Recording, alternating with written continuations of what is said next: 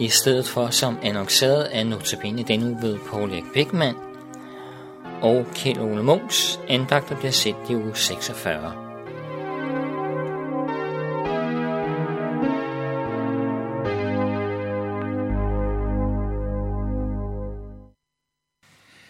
Der er både noget barskt, men også noget meget tankevækkende i et udtryk, der stammer fra Afrika.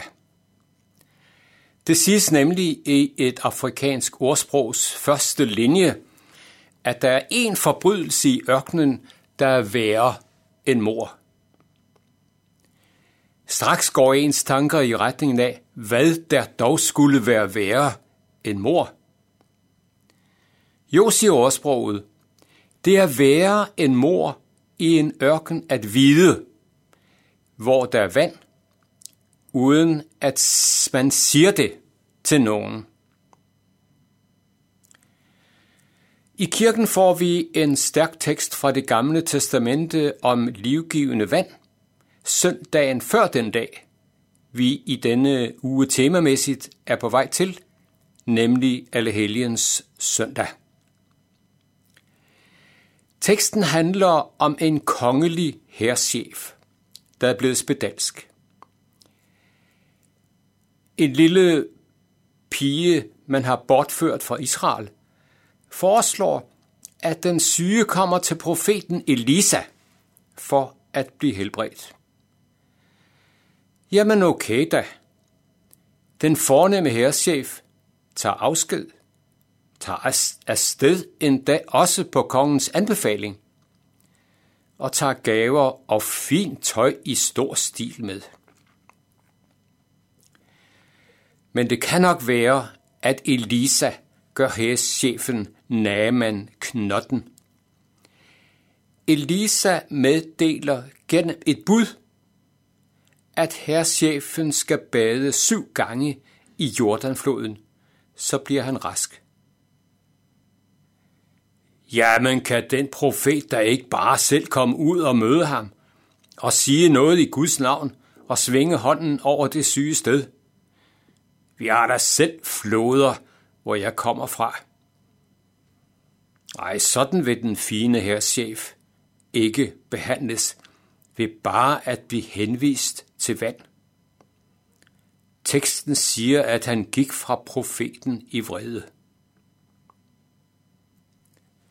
Men nu griber herrechefens tjener ind og spørger, om han ville have gjort det, hvis profeten havde bedt ham om at gøre noget svært, i stedet for noget let. Okidoki. Så dyppede han sig syv gange i Jordanfloden. Og bibelteksten fra 2. kongebog kapitel 5 siger, og hans krop blev så rask som en lille drengs.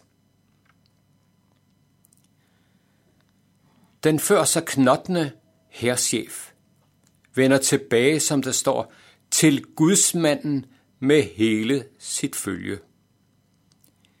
Og så kommer hans overraskende bekendelse. Nu ved jeg, at der ikke er nogen Gud på hele jorden, undtagen i Israel. Så blev gavesækken åbnet, og Elisa fik nu en af de medbragte gaver. Herrchefen fik ved et under flyttet sit livs centrum fra sig selv til den levende Gud. Tænk, det var en lille bortført pige, herrchef konens tjenestepige, der satte det hele i gang ved at være et vidne om Guds kraft. På vej til alle helgens søndag sætter vi nemlig fokus på dem, der var med til at vidne for os om Guds tro, om Kristus tro.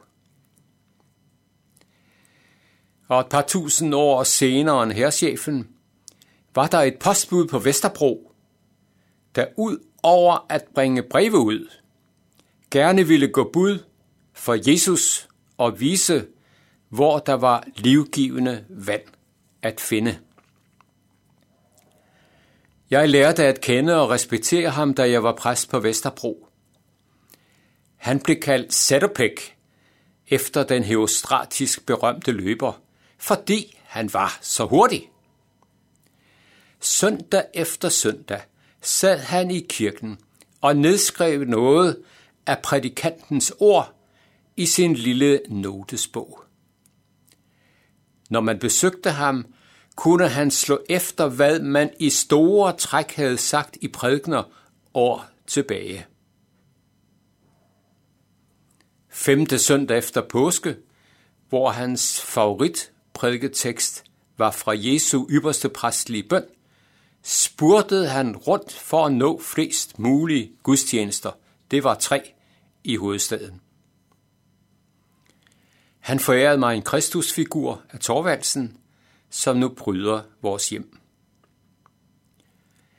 Den sidste gave, jeg fik af posten, var en bog med gode vers. Og det vers, jeg straks tog til mig, handler netop om tro. Skrevet af Jørgen Mikkelsen. Det lyder således. At tro er at stille sig ind under ordet, som myndigt for røst, og finde sig tiltalt, og tåle dets sandhed, og gribe dets trøst. Jeg har tit siden da brugt dette vers fra Vesterbro-posten som bortsendelsesord ved altergangen. Og det er siden dengang kommet med i salmbogen som nummer 582. At tro er at komme til det, der er større, end vi kan forstå. I en senere andagt vil jeg berette om noget stort og meget overraskende, som en dreng på Vesterbro fik udrettet over for sin far, der var arbejdsmand. I form af en aftenbøn, da drengen foldede sine små hænder og fik sin far til at folde sine store hænder, hvad han ikke plejede.